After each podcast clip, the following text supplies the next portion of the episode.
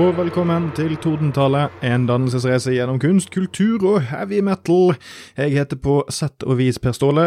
I dag så er det lavkultur, eller misdannelse, som jeg liker å kalle det. Eh, Og som dere kanskje hører på meg, så er jeg sliten og bakfull, og det, livet gikk ikke helt min vei i natt. Så det som er litt sånn typisk når man er sliten og bakfull, er at da har du lyst til å bare koble av, chille litt the fuck out, eh, gi deg sjøl litt slack. Og så tenkte jeg fuck it, det er jævlig mye som står på denne uken her, og når man er i den bakfylla-filen, så er det én ting som gjelder. Og hva gjør vi da? Jo, vi ruller klassikeren Kommando fra 1985 med Arnold fuckings Schwarzenegger. Det er balsam for sjelen. Dette blir kanskje min korteste episode noensinne, men vet du hva, det får bare være. Den som lever, den får se. Eh, Men i dag så tenkte jeg sånn, det er sånn nå må vi ha low effort her, nå skal ikke vi liksom sprenge hjernene våre med noe sånn eh, grensesprengende, esoterisk, overanalyserende piss. Nå skal vi bare forholde oss til noen litt enkle basisingredienser. Store muskler, store geværet og store mengder blod. Det er liksom det vi skal gjøre i dag. Men jeg, eh, sånn introduksjonsmessig så kan jeg kanskje ta det for de av dere der ute som kanskje ikke helt forstår konseptet Arnold Schwarzenegger. Eh, Jeg tenker det er nødt til å liksom etableres før vi går i gang her. For altså, sånn, nå, skal ikke, nå skal vi ikke gjøre dette her til en sånn ung versus gammel greie. Det, det er litt for mye i popkulturen som er sånn her Å, i min tid så hadde vi det, og det var før internett, og da måtte vi lage rockeringene våre sjøl, og det måtte vi lage av dasspapir. og sånt. Altså, det er sånn det er ikke så gøy. Det er, sånn her, det er veldig sånn oppkonstruert. sånn her Millennials versus zoomers versus boomers. Og, og generasjon Z eller Det eller X og alt det der dritet. Hele, hele alfabetet. Det er, det er ikke så viktig. I tillegg så trenger det ikke å være en sånn aldersgreie, dette. Altså, jeg vet om folk på min alder, og folk som er litt eldre enn meg, altså folk som var liksom bevisste under Arnold Schwarzenegger sin heyday, som heller ikke skjønner greien med Arnold Schwarzenegger. Så sånn For dere, dere, de av dere der ute som ikke helt skjønner hvorfor dette her er noe som er verdt å snakke om, så kanskje bare en sånn bitte liten detour på hva der jeg kan prøve å beskrive mine følelser om Arnold Schwarzenegger. Fordi det var en tid der Hollywood var annerledes. I dag så lager man store, gigantiske megablockbustere som slippes taktfast gjennom året og skal måke inn gigantiske mengder med penger.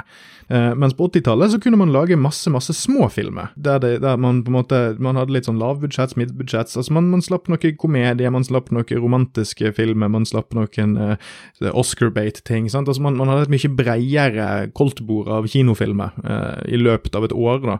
Eh, Man slapp flere filmer, og så var det sånn at budsjettene var lavere, sånn at hvis én av de var en hit, så kunne det rettferdiggjøre tre-fire flopper. sant? Litt, sånn, eh, litt sånt. Eh, Og på denne tiden her så hadde man ikke da superheltfilmer, men man hadde actionfilmer med gjerne én konkret eh, hovedrolleinnehaver som hadde litt karisma og sånt, og som på en måte du bygde filmen rundt. Dette er den æraen der Tom Cruise ble kjent. Han er på en måte kanskje en av de aller siste store blockbuster-stjernene som fremdeles liksom har beholdt sin liksom stjernekarisma. Han var jo ikke hovedsakelig en actionfilmskuespiller da, men han ble det etter hvert. Eh, Men uansett, Arnold Schwarzenegger slo seg opp på denne tiden her med karisma og muskler. Det var egentlig det han gjorde. Det som gjorde at Arnold utkonkurrerte ganske mange andre sånne muskeldudes à la Chuck Norris og, og andre pretenders, så var det litt fordi at han, han var en litt smart fyr. Han var allerede dollarmillionær før han ble skuespiller, um, så han, han hadde på en måte litt savvy, han visste litt hva han ville. Som er det jo litt sånn artig når man tenker på at folk har anklaget ham for å ha lagd så, så ekstremt mye drit opp gjennom tidene, men det er nå en annen sak. Men uansett, altså det, det som gjorde Arnold spesiell, var jo for det første det at han var den, den som på en måte kickstartet denne her eh, overbolede muskelbunt-klisjeen som på en måte oppsummerer 80-tallet. Eh, Men så er det det, det at han eh, nesten på tross av alle begrensningene sine, eh, det at han ikke snakker engelsk spesielt godt, og at han har en veldig tydelig aksent, at, at han til tross for dette er veldig fascinerende å se på som skuespiller. I enhver scene. altså det er sånn Ikke bare når han dreper folk og hakker de i småbiter eller skyter de i fillebiter, men når Arnold er faktisk husket mest for dialogscenene sine. Hvis du ser en sånn Best of Arnold-greie på YouTube og sånn, så er det replikkene hans, det han sier, som folk husker. Noe som er ganske morsomt med tanke på at folk har så fokus på at han er en bodybuilder, og altså fokus på kroppen hans. Og, og, og i dag så har liksom Arnold forsvunnet litt som denne larger than life maktfantasifiguren som han var en gang i tiden. Og det er jo ikke så rart, for han er over 70 år gammel, nå har han blitt litt mer sånn levende best, eller han har blitt et sånt levende meme, sånn bestefar Koko. Det vi vet om han i dag, er at han, han, han går rundt og røyker sigarer sammen med eslene som han bor med. Altså, sånn, han har blitt litt pussig på sine gamle dager, og det er litt koselig. Men det er lenge siden han på en måte har vært veldig i sentrum uh, av, av folks oppmerksomhet, annet enn uh, når han lager ymse dårlige Terminator-oppfølgere, som han har vært med i altfor mange av. Så, så, jeg ville bare sette dere litt i den der mindspacen der at sånn, året er 1985. Eh, Ronald Reagan er president, og Arnold Schwarzenegger er, er, det kuleste du kan være i hele universet hvis du er 14 år gammel og går på kino. Uh, og dette her vi skal snakke om i dag, er den filmen som solidifiserer dette. Årene før her så har Arnold hatt hits med Konan i 1982 og med The Terminator i 1984. Men de filmene var ikke så gigantiske som det vi ser for oss i dag. Eh, noe av grunnen til at vi husker de filmene så godt, er på grunn av det som kommer seinere, altså at Arnold ble så gigantisk rundt Terminator 2 og på slutten av 80-tallet og sånt. Uh, det, var filmer som gjorde det veldig skarpt, men det at han lagde en film som Kommando, ikke var ikke en garanti for at han kom til å på en måte fortsette den oppturen der. Så vi er liksom midt i sementeringen av konseptet Arnold Schwarzenegger. Det er denne filmen her som Eh, er med å, å, å, etablere at han er en fyr som skyter store gevær. Eh, fordi i motsetning til The Terminator, der han faktisk der han spiller en robot, og i den grad han bruker våpen der, så er det for å være en, en, en, en tanketom eh, drapsmaskin, bokstavelig talt, så er dette den filmen som etablerer han som den overbolede, overkompenserende eh, machomannen der klisjeene tar fotfeste. Jeg tror den enkleste måten å, å, oppsummere Arnold på er at på denne tiden her så er Arnold Schwarzenegger en spesialeffekt i seg sjøl. Det å kunne putte han på kamera og sette han i gang er en spesialeffekt. Det ser man òg spesielt med måten han filmes på i denne filmen og i en del andre filmer. Gjerne nedenfra og opp, litt sånn vagt. Gjør han større enn det han er. Gjør han til et, eh, et fenomen. Ja, og så litt, litt, litt, på bakteppet med selve filmen Kommando. Dette er egentlig en Rambo-klon, på en måte. Tidlig på 80-tallet så uh, hadde uh, Sylvester Stallone skrevet uh, Eller ikke tidlig på 80-tallet, men sånn rundt 1984, 1983, 84 så sirkulerte det et manus i Hollywood som var Sylvester Stallone og James Cameron sitt manus. James Cameron hadde i hvert fall noen rewrites eller noe sånt til story credits på det manuset, om jeg ikke husker det feil. men uansett så drev Det manuset var, ble sendt rundt. Det er sånn, sånn Når manus shoppes rundt, så blir det gjerne lest av veldig mange folk folk. Og eh, det, det, manuset ble det, det, utløste en serie med, med, copycats før filmen ble produsert. Det var så mange produsenter som leste dette manuset og tenkte oi, shit, dette her er, dette er sånn Hvis vi kan lage vår versjon av dette her, så kan vi òg tjene litt spenn. Eh, så for eksempel Chuck Norris endte jo opp med å lage Missing in Action eh, som kom ut året før eh, Rambo 2, fordi at produsentene Munachem Golan og Joram Globus leste Rambo 2-manuset og smekket sammen sin egen lille drittversjon av den på kanskje en tiendedel av budsjettet. Spilte det inn i Thailand eller Filippinene til prisen for en pakke tyggis og en full tank med bensin, og så fikk de det ut eh, på kino dritfort. Og, og, Kommando er litt på samme måte. Jeg tror ikke Den er ikke like rip-off direkte som f.eks. Missing in Action, men det er veldig åpenbart at her har de gått hardt inn for at dette studioet skal ha sin versjon av Rambo 2 klar, fordi at det er åpenbart at Rambo 2 kommer til å bli en veldig stor film. Eh, og Kommando og Rambo 2 kom ut samme år. Eh, Rambo 2 tjente enormt mye mer spenn, men eh, likevel så er dette en ganske anstendig Dette er en, en, en rip-off in, in name only. Jeg vil si at denne filmen er sterkt inspirert inspirert av Rambo, men det er egentlig ingen andre likheter enn en del mer overfladiske ting. Før vi kicker sånn skikkelig i gang plottsynopsis og litt sånne ting, for de av dere som ikke har sett filmen, så vil jeg liksom bare etablere litt hvor vil jeg med dette her? Og det, som sagt, jeg er sliten, så jeg gidder ikke å tenke så mye. Dette er en film jeg har tenkt en del på i mitt liv, eh, og så er det òg det at jeg har en påstand om at Kommando er den mest 80-talls 80 actionfilmen som noensinne er lagd. Så det jeg har lyst til å se på i dag, det er hva er de elementene som gjør den både unik og samtidig så typisk. Uh, og det skal vi snakke litt om nå. Filmen er skrevet av Steven E. DeSouza, uh, og han har skrevet blant annet Die Hard, uh, 48 Hours, den med Eddie Murphy og uh, Nick Nolte, som er liksom kjent for å være den første buddycop-filmen, egentlig.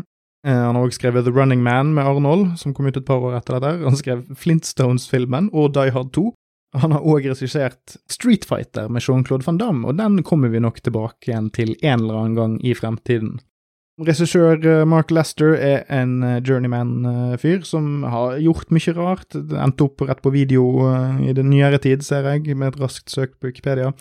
Jeg skal ikke gå så veldig inn i det tekniske, men dette er òg en film som er veldig flat, som jeg skal nevne. Så, det, så er den veldig effektiv på en del måter. Men det er en viss sånn TV-kvalitet på det. En ganske god TV-kvalitet, men ting er veldig sånn flatt filmet til viss grad. Det er ikke så ekstremt mye visuell flair ute og går som kanskje kan være en av styrkene òg, fordi vi kan fokusere på andre ting enn tjo og hei. Um, sammenligner du f.eks. Kommando med Die Hard, som kom ut tre år senere, som er uh, lagd av John McTiernan, og da skrevet av Steven i Susa, så er det natt og dag-forskjeller. Altså Die Hard er en visuelt nydelig opplevelse. Kommando er en visuelt adekvat opplevelse. Det tekniske nivået er ikke det som vi har kommet for å se. Men ok, hva handler kommando om? Jo, det handler jo om en fyr som går kommando. Um, eller, nei, det vet vi jo ikke. Eller, Arnold tar ikke av seg buksene før på slutten, og da har han en speedo så det er på seg, så det jeg skal faktisk uh, Det var useriøst av meg, så, så, den joken trekker jeg tilbake. Men um, jeg kan ta en kjapp plottsynopsis for dere. Arnold Schwarzenegger er John Matrix. Det er jo et fantastisk navn. Fordi det, det jeg sitter og ser for meg, er at uh, De Sousa satte seg ned og tenkte sånn hm, Han er nødt til å ha et sånn tøft navn, men han kan ikke hete sånn John Stonefucker eller Granite McMarmite. Uh, altså, han, kan ikke ha et sånn altfor åpenbart ord som hm, Matrix. Det er et ord som, som høres tøft ut, og ingen vet hva det betyr. Fordi Steven Steven Ide Sousa var så smart at han tenkte at ja, men The Matrix kommer jo ikke ut før om 14 år, så det, nå kan jeg trygt bruke det uten at folk blir sånn Ei, er ikke det navnet på den sci-fi-filmen der Keanu Reeves driver og går i slow motion? Så det vil jeg si er veldig smart av han. Um, sånn i etterpåklokskapens lys så vil jeg jo si at det er veldig, veldig rart at noen heter John Matrix. Man skulle jo trodd at folk fra Øst-Tyskland kanskje heter noe annet uh, enn Matrix. Eh, det kan jo hende at når han eh, hoppet av fra den østtyske hæren, at han kanskje tok seg et artistnavn, eller at han tok et nytt navn når han kom til Amerika, men det er jo òg altså, Kunne han ikke bare hett sånn Kruger eller et eller annet tyskt? Men det er jo det som er så fint med Kommando, det er det at eh, alle de gangene der du kan stille spørsmålet Burde de ikke bare gjort denne normale tingen, så er alltid svaret nei, de burde ikke det. De gjorde det stikk motsatte, og se hvor gøy det ble. Men uansett, Arnold John Matrix. Jeg kommer bare til å kalle han Arnold. Det er ikke vits i å kalle han Matrix, det er Arnold. Um, han er pensjonert fra uh, kommandolivet, uh, militærlivet. Han har vært yrkesmilitær i en sånn her super uh, Black Ops-gruppe. Han bor i en sånn fin, flott sånn tømmervilla oppe i en eller annen sånn her luscious fjellandsk, amerikansk fjellandskap. Eh, der bor han sammen med datteren sin. Eh, det er jo en veldig, veldig fin Det er jo en av de kuleste introsekvensene i hele verden, er jo når eh, Arnold blir introdusert der. For det er kanskje den eneste sekvensen der de bruker litt Nå sa jeg i sted at de ikke bruker så mye flair, men det, det, er kanskje den eneste punktet der de virkelig liksom bruker litt sånn skygge og, og monumental musikk for å bygge han opp, og, og litt tåke og litt lyskastere og litt sånn for å på en måte bygge han opp som en sånn gigantisk badass.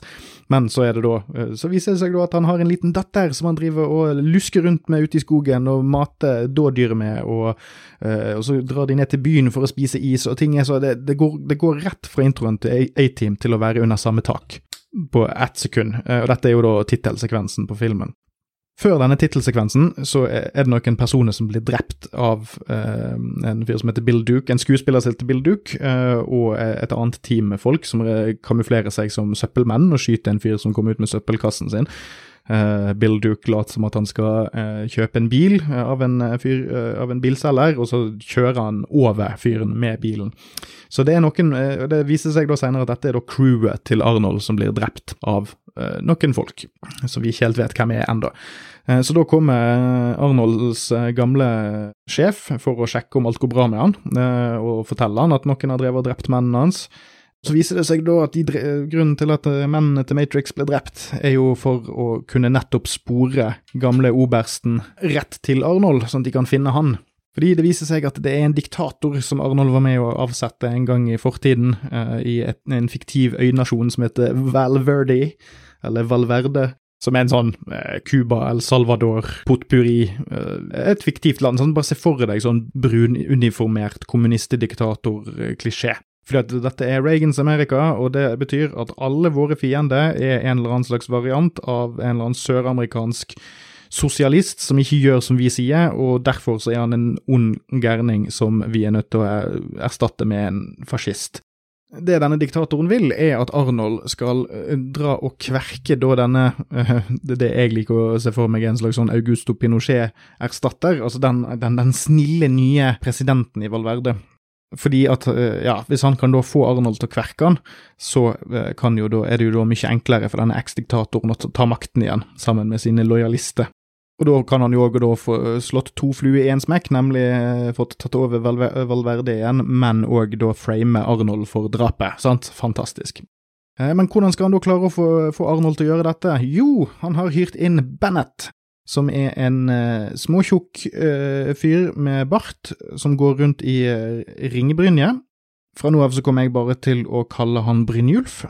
Da kommer vi litt tilbake igjen til det jeg sa i sted med man kan stille et fornuftig spørsmål som eksempel hvorfor går en eh, yrkessoldat eh, i 1985 rundt i ringbrynje som han fester med et belte, altså han har, sånn at det ser ut som at han har på seg en liten kjole. Eh, og, og, er ikke det teit? Og, hadde det ikke vært bedre om han gikk i noe, ja, altså en skuddsikker vest eller en jakke eller noe sånt? Og da kommer vi jo da igjen tilbake igjen til uh, det åpenbare svaret, som er nei, for da ville filmen vært mindre kul, mindre underholdende, mindre gøy.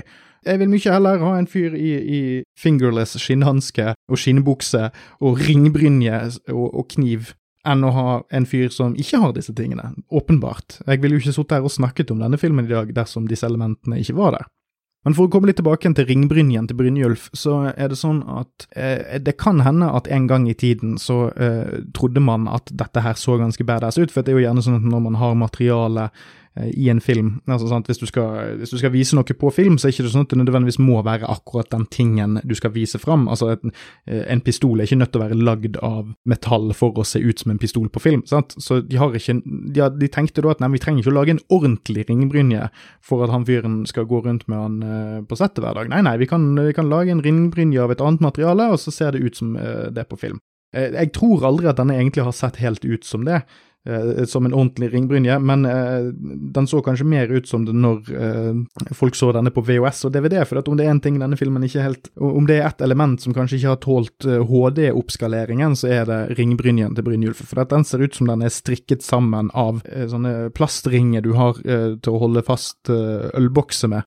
Og det er jo igjen en ting som bare er, fører opp på listen over her er, mange, her er det masse rare ting som foregår, som holder underbevisstheten din i gang, og, og, du jobber litt med sånn problemløsning mens du ser filmen. Det er sånn, ja, men hvorfor har han på seg ringbrynje? Ja, for å se kul ut, ja, men hvorfor har han på seg en ringbrynje som ser ut som den er strikket sammen av plastsøppel? Nei, si det, nei, hvem vet?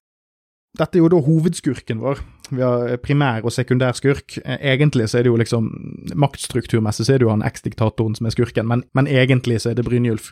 Fordi Brynjulf har jo et, eh, en personlig beef med Arnold, viser det seg. Eh, fordi Brynjulf var i teamet til Arnold eh, før, men han ble kastet ut av troppen fordi han var for drøy, og nå vil han ha hevn. Så de kidnapper eh, datteren til Arnold. Eh, de angriper han i hjemmet sitt. Eh, Arnold kverker en del av de, men eh, de får dessverre tak i datteren hans før han får gjort noe med det. Og så får de fanget Arnold og tvinger han til å sette seg på et fly for å dra til Valverde for å drepe denne presidenten. Men når han er på flyet, så tar Arnold og dreper eh, oppasseren sin og setter en tidtaker på den, den digitale klokken sin, som er flytiden til dette flyet. Eh, og så hopper han av flyet i fart, og så setter han ut for å få tilbake en datteren sin før flyet har landet. Fordi at når flyet har landet, så kommer den eh, som venter på de på flyplassen eh, der flyet lander, til å skjønne at Matrix ikke var på flyet, og da kommer han til å ringe, ringe Brynjulf. Som man hører, så er jo dette òg et plott som ville vært løst, eller blitt knust fryktelig fort av konseptet mobiltelefoner. Så drar Arnold ut for å redde datteren sin, og med seg på lasset så har han en lettere hysterisk cabin crew-dame som han kidnapper på veien, eh, men heldigvis så har hun nok eh, Stockholm-syndrom og eh, flytime i bagasjen til å bidra litt underveis, da. Man må jo ha med et kvinnfolk, for hvis det ikke hadde vært for hun her, så hadde det vært en eneste stor endeløs pølsefest, og det er det jo for så vidt eh, sjøl med hun. Det er jo en av de mest sexløse Altså det, det, er, det, er, null uh, seksuell spenning mellom Arnold og denne helt åpenbare sånn female love interest-figuren uh, som er med. Ja, og så helt på slutten så ender jo dette her da selvfølgelig i liksom uh, shootoutenes shootout med Arnold med et gigantisk maskingevær mot det som er en liten hær eh, på det private strandhuset til denne diktatoren som har slått seg ned på en liten øy utenfor kysten av USA. Så nå, nå skal jeg gå litt videre. Jeg vil først og fremst trekke fram skurken. Fordi det som ofte mangler i mange sånne 80-talls actionfilmer, så, det, så mangler det en sånn veldig, veldig klar motpart. De aller beste, som for eksempel Die Hard eller Predator med Arnold, for eksempel, har en veldig klar skurk, altså en som, eh, som helten måler seg mot. Altså du har eh, Hans Gruber i, i, Die Hard, og i Predator så har du Predatoren, sant, altså monsteret. Mens for eksempel Rambo 2 eh, har en sånn, sånn, sånn eh, russisk eh, general som han kan vende seg mot, men det er ikke, det er ikke en, en, den personen har ikke, eller den figuren har ikke nok tilstedeværelse i filmen til at du føler at det er Rambo mot denne generalen, for eksempel. Altså det, mens i, i Kommando så har du en veldig klar anti-Arnold i Brynjulf. Og gjennom hele filmen så setter Brynjulf opp det at han og Arnold de er likemenn. De kommer fra den samme troppen, de er elitetrente, de kan kverke alt og alle rundt seg uten å begynne å svette. Og Brynjulf liksom driver og, og hauser opp dette her med at han, han er Arnolds likemann. Og han, han, han virker nærmest kåt når, på tanken på å kunne få lov til å omsider eh, gå mano i mano mot Arnold hvis vi hadde sett en pornoparodi av denne filmen her, så hadde egentlig all dialogen til Brynjulf og Arnold vært helt lik, eh, og så ville det bare vært hvorvidt de var enda mer avkledd i siste scene. Fordi det, det, han, Brynjulf han har noen issues, eh, og, og han, er, han, er, åpenbart kodet litt gay. Ikke med vilje Altså jeg har lyst til å si at det er med vilje, for det er eh, eksempel Disney har en ganske lang tradisjon med å, å ha på en måte homofilt eller LGBTQ-fargede eller kodede skurker, sånn Sjøheksen i Den lille havfruen, Jafar i uh, Aladdin, uh, Skar i Løvenes konge.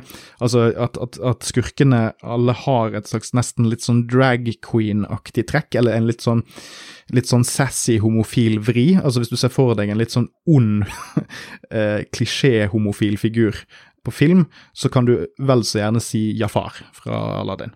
Og det, det, er en ganske lang eh, Hollywood-tradisjon å kode skurker uh, gay, mest som en sånn det har nok startet opprinnelig som en sånn se på denne avvikeren, som på en måte utsonderer usunne verdier. Eh, men over tid så har det jo òg nesten blitt en sånn, nesten en sånn triumferende feiring, sant, altså at, eh, og, og, at eh, liksom de minoritetsmiljøene som på en måte egentlig burde blitt sure for dette her, har nesten tatt, har tatt til seg veldig mye. Altså de, de, bruker det nesten som en sånn fei, identitetsfeiring det er jo ve veldig mange som, som, har ekstremt sansen for disse skurkene, og det er jo det er i hvert fall en sånn hvis, hvis, man først skal bli svartmalt, så kan du i hvert fall være litt kul og interessant, og de kuleste og mest interessante delene av de filmene er definitivt skurken.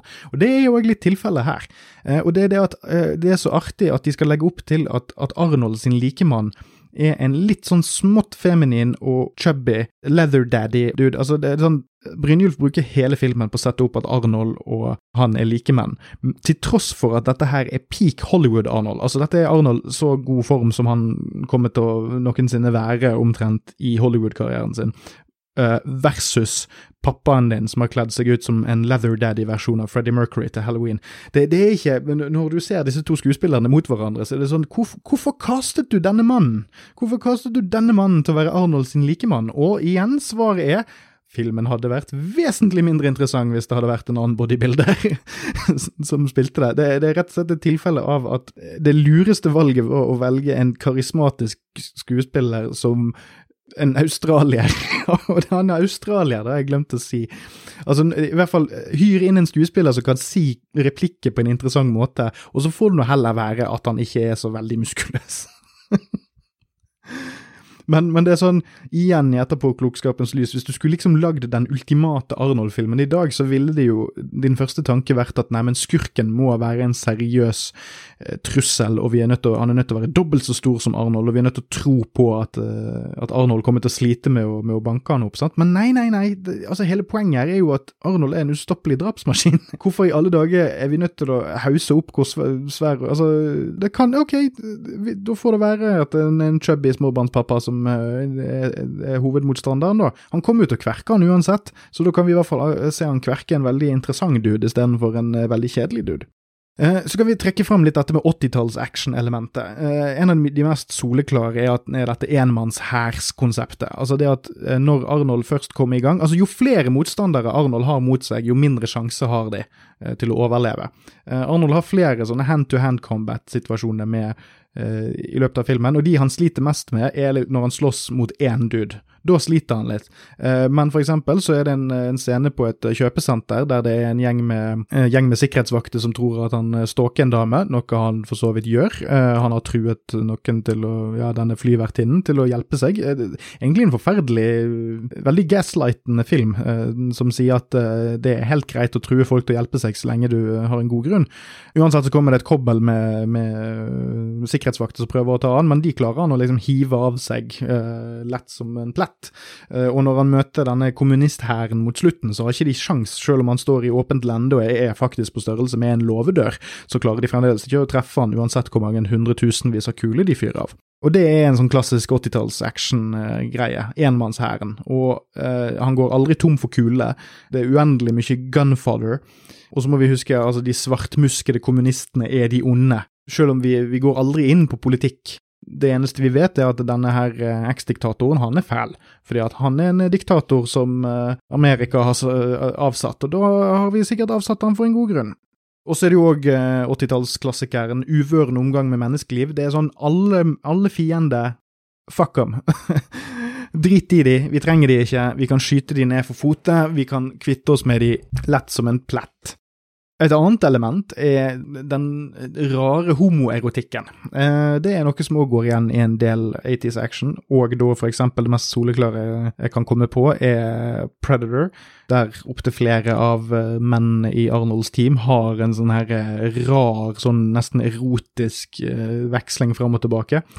Uh, og, det, og, det, tror jeg kommer av en sånn, for sin tid kanskje feilkalkulert machismo. Altså det er det at når du fokuserer så ekstremt mye på den uh, mannlige fysikken, på grunn av at du skal uh, Ja, sant, altså dette skal være en maktfantasi for tenåringsgutter, samtidig som du på en måte behandler det som en spesialeffekt, som jeg nevnte tidligere. og når det overfokuset får lov til å, å liksom få så mye pusterom, og det omtrent ikke er kvinnfolk med i filmen, og skurkens hovedmotiv er at han, han, sier beint ut at han har lyst til å penetrere kroppen til Arnold, riktignok med en kniv, men eh, vi vet jo hva det kan være et symbol for. Alle disse elementene, de, de, de, i og for seg sjøl så er ikke det så jævlig gøy, men når, når, du ser det under ett, så blir det ekstremt gøy. Uh, og det er jo det som gjør det litt morsomt, for det er så heterofilt at det blir gøy. Og nå, nå må, må, dere huske på, jeg snakker ikke om dette her som en negativ ting. Det er ikke sånn at jeg sier ha-ha, se så homo denne filmen er. Uh, jeg sier mer sånn ha-ha, se denne filmen prøve å være hetero så ekstremt mye at den blir homo. Det er to litt forskjellige ting. Uh, hadde denne filmen vært åpenbart homo gjennom hele, hele, prosessen, så vet jeg faktisk ikke om filmen hadde blitt bedre eller dårligere, men den hadde i hvert fall vært veldig interessant da òg. Men det er noe med denne litt sånn uintensjonelle Altså, det, det, er sånn, det er så uintensjonelt gøy at det, man lurer på om de gjorde det med vilje, men du klarer ikke helt å se for deg hva målet skulle vært med det. Fordi at denne filmen er ikke den er ikke så subversiv. Eh, vi skal snakke litt om, om, om glimt i øyet og sånt, men den er ikke smart nok til å være subversiv på den måten der. Eh, men det er jo òg tilfellet gjennom hele 80-tallet. Det er kanskje liksom muskuløse, svette kroppers tiår. Eh, du har Sylvester Stallone, du har Arnold Schwarzenegger, det er Hulk Hogan og fribryting er på sitt største ever. sant? Altså Det er denne, denne enormt oppbolede mus mannlige muskelkroppen som er smurt inn i babyolje, er liksom gigantisk. Og så skal vi helst ikke ha så mye kvinnfolk med, av en eller annen grunn. Eh, så det, det, var en rar tid eh, for både film og underholdning. Et annet, eh, Noe annet i 80-talls action-klisjeene som den er god på, det er at den, er, den har en sånn konservativ undertone. Det, vi, det er òg det der man merker med Altså det at, at um, skurken er litt feminin, gay-kodet, eh, og da, representerer Arnold den sunne i filmens perspektiv, ikke hvordan de faktisk ender opp med å presentere det, som jeg sa. Eh, denne, denne, rare homoerotikken som filmen bare maner fram med å skulle være så hetero. Men Arnold eh, er liksom motparten til denne her forkvaklede pervoen som har lyst til å eh, stikke han med kniv. Eh, og det er konservativt. Arnold representerer patriarkatet, holdt jeg på å si. Om ikke patriarkatet, så er han i hvert fall han er en, en far som har lyst til å beskytte sin datter fra de skitne kommunistene, eh, og han, eh, han, er en army man. Eh, han har eh, gjort sin innsats for Amerika. Um, det er ikke så veldig tydelig. sant? Altså, det, er ikke, det, det, er ikke, sånn at det, det, er et poeng med filmen at uh, disse politiske tingene uh, skjer eller har skjedd, men det er en del av bare grunnlaget for at filmen eksisterer. Altså, filmen eh, tar en del av disse tingene for gitt. Filmen hadde vært en annen dersom den forholdt seg annerledes til de underliggende spørsmålene der. For eksempel stiller du spørsmålet hvorfor ble denne presidenten avsatt? Eh, eh, kan vi gå inn i detaljene? Var han en folkemorder? Eh, var han det, det ene med det andre? Eller sant, filmen går ikke inn i det politiske, fordi at uh, hadde, hadde, man blitt mer konkret, så Eller i det virkelige liv så ville jo han ha vært avsatt på grunn av at uh, han kanskje nektet Coca-Cola å, å, kjøpe opp hovedstaden i landet hans, og så måtte bare USA gå inn og sørge for at Coca-Cola fikk viljen sin. Virkelighetens politikk er som regel litt mer kompleks enn på film, og denne, det at man tar for gitt at uh, USA bare har gjort dette ut av god vilje fordi han var en ond mann, det er, sier noe om det verden verdenssynet som var veldig dominerende i amerikansk populærkultur på 80-tallet. Som sagt, Ronald Reagan er president. USA har rett igjen. Uh, vi er ikke sjølkritiske. Vi er de som bestemmer. Fuck deg, vi har rett. Og så har vi våpenfetisjisering, altså det at våpnene omtrent blir uh, figurer i filmen. Uh, altså, de, de, får nesten mer skjermtid enn en, enkelte av de navngitte hovedrolleinnehaverne. Uh, og så er det jo selvfølgelig one-linere. I eat green berets for breakfast and right now I'm very hungry. Og uh, det er òg en veldig kjent uh, sekvens der Arnold sier You remember Sully when I said I would kill you last? I lied. Og så slipper og så dreper han han. Og dette er òg den tiden der one-lineren kanskje ikke var like fastsatt. Altså, man hadde jo one-linere, men one-liner som et konsept tror jeg begynte å vokse fram på denne tiden. Og kanskje spesielt gjennom Arnold sin uh, stage persona, at han på en måte måtte ha noe kult å si. Eh, jeg har òg lyst til å trekke fram musikken. Eh, musikken i disse filmene er jo ofte litt nedstrippet, eh, siden de ikke nødvendigvis har de største budsjettene.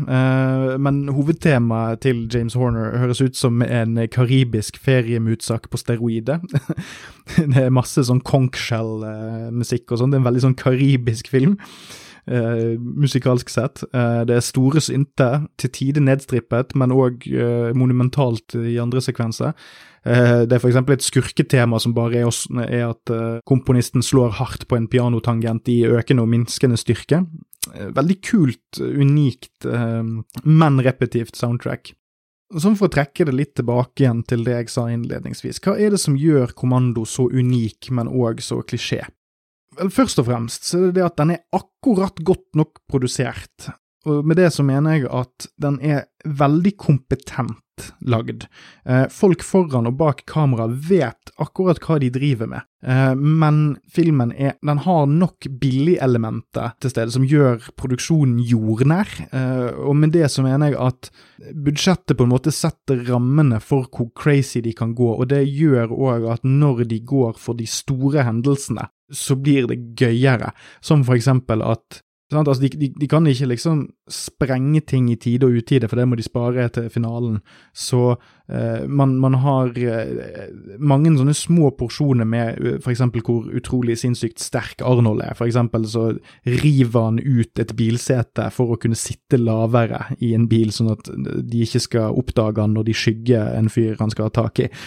Eh, man får sånne smådrypp underveis, eh, jf. den lille actionsekvensen på dette kjøpesenteret der Arnold kaster av alle disse eh, sikkerhetsvaktene, og så svinger han, seg, svinger han seg gjennom rommet som Tarzan på hjelp av noen eh, dekorasjoner. Men uansett, det at, altså, sant, siden de ikke kan sprenge ting hele tiden, så, så, har de en veldig sånn fin påminnelse fra tid til annen om at nei, Arnold er en special guy, han kommer til å kunne fikse denne biffen hvis han bare får tak i disse skurkene.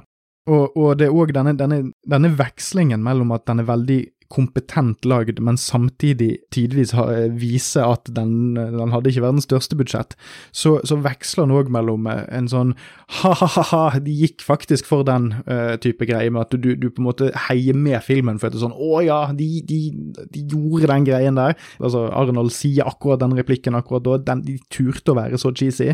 Og så kan du òg gå derifra til sånn oh, oh, det var ikke tidenes mest heldige spesialeffekt. Oi, jeg kunne faktisk se trampolinen når når han fyren hoppet for å late som at han døde av en eksplosjon. Det er forresten òg en veldig veldig gøy greie med sånne 80-talls actionfilmer. Det er hvis du det er sånn, Folk dør av å være fem meter unna en, en stor uh, flammeeksplosjon, og så hopper de opp i For eksplosjonen er så intens at de blir blåst av gårde. Og da kan du gjerne se disse um, Hvis du følger godt med helt nederst uh, i framen, så kan du noen ganger se de trampolinene eller de springbrettene de bruker for å på en måte hoppe av gårde. Du kan òg ofte se uh, stuntmennene ta sats for å kunne hoppe på uh, trampolinene, for å nettopp få den spinn-effekten der de blir slengt av gårde av eksplosjonene. Det som gjør at du blir sittende og litt på tå hev, er det at du du vet ikke alltid helt om det er glimt i øyet eller ikke. Alltid. Jeg vil jo argumentere for at dette er en film som vet hva den gjør, men jeg tror òg det som har gjort den så levende så lenge, er nettopp at du er aldri helt sikker. Det er, sånn, det er alltid litt tvil i hjernen din om, om, de virkelig gikk for det eller ikke. Jeg vil jo si at de, de har gjort mange av disse tingene med vilje, eh, og at den, det er en film som på en måte er så smart i idiotien sin at du tror at han bare er helt idiot uten å ville det. Men det er altså da en film som vet at den er lagd for tenåringsgutter og umodne småbarnsfedre. Eh, den spiller kortene sine ekstremt godt, og den oppfyller alle kriteriene for en real guttakveld på kino, men den vet òg akkurat hvordan de skal porsjonere ut action de, den bygger seg veldig sakte opp over tid. Den begynner med å vise Matrix sine skills under det første angrepet, og så blir det en liten chase-thriller, og så får vi noe hand-to-hand-action med litt sånn fighty-fighty eh, på et hotellrom og litt sånt, og så får vi en mega-shootout med store kanoner og eksplosjoner helt mot slutten. Og det er jo liksom klassikeren, sant, enmannshærsinvasjonen eh, av hovedkvarteret til eh, skurken. Um, og da hadde de jo da ikke råd til at det skulle være liksom på en ordentlig militærbase, så da må de bare sprite opp et produsenten sitt hus. Jeg tror faktisk det er samme, det samme huset som ble brukt i slutten av Beverly Hills Cop. Men det er da, altså, den, den, episke shootouten mellom Arnold og denne her eh, kommunisthæren er da ute i en veldig velfri, velstelt hage, der Arnold driver og gjemmer seg bak eh, ja, ulike prydebusker og litt sånn. Og så ender han opp med å kverke noen eh, folk med hjelp av ting han finner i et, i et hageskur. Og så sprenger han noen hus, det er òg veldig gøy, der viser òg budsjettet seg litt i HD. fordi at hvis du ser nøye etter, så ser du sånn ja, det er ikke så veldig mye inni de husene, det er litt mye pappmasjé her. Uh, dessuten så beveger ikke altså, Det er noen dukker de har satt ut, som liksom skal være soldatene som står nærmt, uh, nærmt bygningen, men de blir ikke blåst vekk av eksplosjonen, for de er satt for hardt fast nede i bakken. så, så, du kan for det første se at det er papphus, og så kan du òg se at det er veldig standhaftige tinnsoldater som står der, som tåler en trøkk mye, mye mer enn de ordentlige folkene du ser ellers. Men sånn avslutningsvis så har jeg lyst til å liksom prøve å finne ut altså hva er den siste, liksom, siste elementet? Hva er det som gjør at, at denne filmen huskes fremfor andre? Og, og, og det, det, jeg tenker er at en, en ting som, som står fram, er jo at med unntak av Arnold, så er det heller ingen andre store stjerner med i denne filmen. Uh, og Arnold var ikke verdens største stjerne på denne tiden heller, altså sånn, han var fremdeles litt up and coming. Skurkene er liksom kjent for birolle i Mad Max 2 og diverse sånne filmroller. Og hadde ikke Arnold forblitt en størrelse seinere i karrieren, så kan det godt hende at denne filmen hadde blitt glemt, eller i hvert fall havnet i samme haug som Missing in Action og Deadly Prey og alle andre sånne her eh, Rambo-kloner. Og det, det, er liksom det som er den mest interessante delen. Om det er noe man skulle trodd at ikke funket, så var det nettopp Arnold, men nei, han funker som faen, og han er filmen.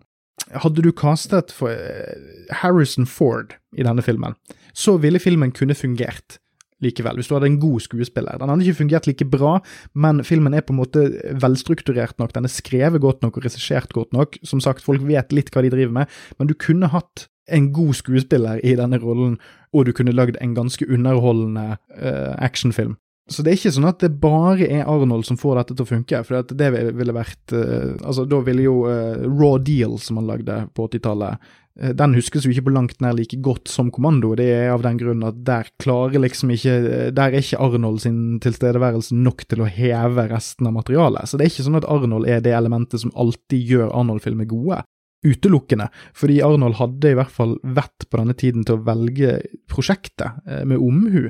Hvis man ser på de sånn, ja, fra 1982 til 1994-ish, så er det veldig få av filmene Arnold lagde som er direkte crap. Eh, og de som er direkte crap, sånn à la Raw Deal og sånt, er ikke fordi at nødvendigvis Arnold gjorde en dårlig vurdering på manus eller whatever, men det er sånn, du kan ikke, du kan ikke gjøre en hit av alt. Eh, men han hadde som en regel at han samarbeidet med smarte folk som visste hva de dreiv med. Eh, og det gjorde han i mye større grad enn en god del andre actionstjerner, og det har òg bidratt til at han ble så stor som han ble, for at han da samarbeidet bra med folk som James Cameron og John McTiernan og Paul Verhoeven, og, og, og liksom ordentlige regissører som vet hva de vil lage, og det de vil lage er god film. Men Kommando er det tilfellet der idiotmanus som er skrevet på en smart måte, og konseptet Arnold bare smelter sammen og hever hverandre. Manuset gjør Arnold bedre, og Arnold gjør manuset bedre. Fordi at når Arnold er med i denne filmen, fremfor sant, Nå bare dro jeg eh, Harrison Ford ut av ræven i stedet for å bare ha et eksempel, men eh, det Arnold gjør, er at han gjør filmen parodisikker, eh, mens hvis Harrison Ford hadde vært med i filmen, så hadde den vært en parodi. Da hadde ikke folk kunnet sett den og blitt underholdt på samme måte, fordi at da hadde, hadde disse spørsmålene som jeg har nevnt tidligere, hvorfor gjorde de det, hvorfor gjorde de det, hvorfor gjorde de det, disse spørsmålene hadde da drept filmen. Fordi hvis Harrison Ford hadde vært med, så hadde man spurt ja, men de brukte så jævlig mye altså sånn, han, Harrison Ford altså han er jo en, en han er jo en ordentlig skuespiller. Uh, hvorfor i alle dager sier han alle disse teite replikkene? Hvorfor i alle dager Hvorfor er nemesisen hans den der eh, Leather Daddy-fyren med Freddie Mercury-bart som har lyst til å spidde han med liksom-penisen sin? Altså sånn, Alle disse spørsmålene ville drept filmopplevelsen, men siden du putter inn en vandrende tegnefilmfigur som Arnold Schwarzenegger var på denne tiden, når du putter det inn, så på en måte blir hele gryten Hvis dette er en sånn, sånn kraftig suppe som du driver og rører om i en sånn uh, heksegryte, så når du hiver Arnold oppi der, så, så det, går det fra å være noe som ikke fungerer på papiret, til noe som fungerer så bra på papiret at papiret slutter å være papir. Det blir om til uh, plastiske eksplosiver og sprenger hodet av deg, fordi at du, du klarer ikke å forholde deg til hvor ekstremt bra dette passer sammen. Det er tilsvarende å hive masse random ingredienser oppi denne heksegryten, og så ender du opp med liksom styrkedrikkene til Asterix, eller en tolvretters middag på øh, Bagatell. Det er, noe, det er, noe, helt fantastisk magisk som skjer når disse elementene treffer hverandre, som gjør at, at filmen oser, oser seg sjøl. Altså, det, Kommando er en gigantisk klisjé. Eh, den er alle de tingene eh, som en 80-talls actionfilm skal være, og den gjør det bra men ikke bra på en sånn måte at det er perfekt. Som alle perfekte ting, så har den mange, mange små imperfeksjoner, som til sammen gjør den enda mer perfekt. Det er alle de små tingene, de små innvendingene, det at du til slutt Altså at filmen tvinger deg gjennom denne prosessen med disse spørsmålene, tvinger deg til å gi deg hen du får ikke noen sjanse av kommando til å, å sitte der og være en, en, en fnysende 'hvorfor gjorde de det', dette er veldig teit kritiker. Fordi at hvis du sitter og kritiserer denne filmen for å ikke henge på greip, så er ikke problemet filmen, problemet er deg. Hvis du er så kjedelig at du ikke klarer å se kommando og kose deg, så er ikke det kommando sin skyld. Og for å avrunde, så vil jeg si én siste ting som er det som oppsummerer kommando for meg og det som gjør at eh, jeg vil at du nå skal slå av denne podkasten og gå på Disney pluss, kanskje, eller hvem enn som har uh, rettighetene nå, jeg tror det er en Fox-film. Gå i hvert fall ut og lei eller stream Kommando i kveld, og kos deg. Uh, du kan godt se den alene, men den er helt perfekt med litt én eller to venner og noe godt i glasset eller i pipen, eller hva enn du foretrekker å drepe hjerneceller med. Nyt den med dette i mente. Se for deg inni hodet ditt hvordan en 80-talls actionfilm skal se ut. Ok, ser du det for deg? Det er denne filmen du tenker på. Det er kommando folk tenker på når de tenker på en klisjé 80-talls actionfilm, og det er spesifikt kommando folk tenker på når de tenker på Arnold Schwarzenegger. De vet det kanskje ikke, men det er det de gjør. Underbevisstheten din prøver å fortelle deg noe, og det er at Kommando er verdens beste 80-talls actionfilm. Og jeg syns at du skal lytte til han, og uh, gå ut og kose deg med denne steinkalde klassikeren. Det var det for denne uken. Uh, jeg tror kanskje at hangoveren min begynner å komme seg bitte lite grann, og det skyldes nok mest sannsynlig for at jeg har banket han opp med å tenke på den beste 80-talls actionfilmen ever. Så takk for nå, og neste uke så skal vi prøve å gå for noe litt mer head heady. Eh, vi skal snakke om uh, eksen til Ingrid Bergman. Um, han har visstnok lagd noen, uh, noen sånne smågreier som skal være artig. Jeg, jeg syns jo det er jo fint at uh, ektemennene til kjente skuespillerinner kan ja, få, få, ta litt del av glansen, da. Eller få, være litt i rampelyset, de òg. Så jeg tenkte at vi de kan jo prøve å dra han litt fram fra glemselen og, og snakke litt om det. Uansett, ha en fin en. God.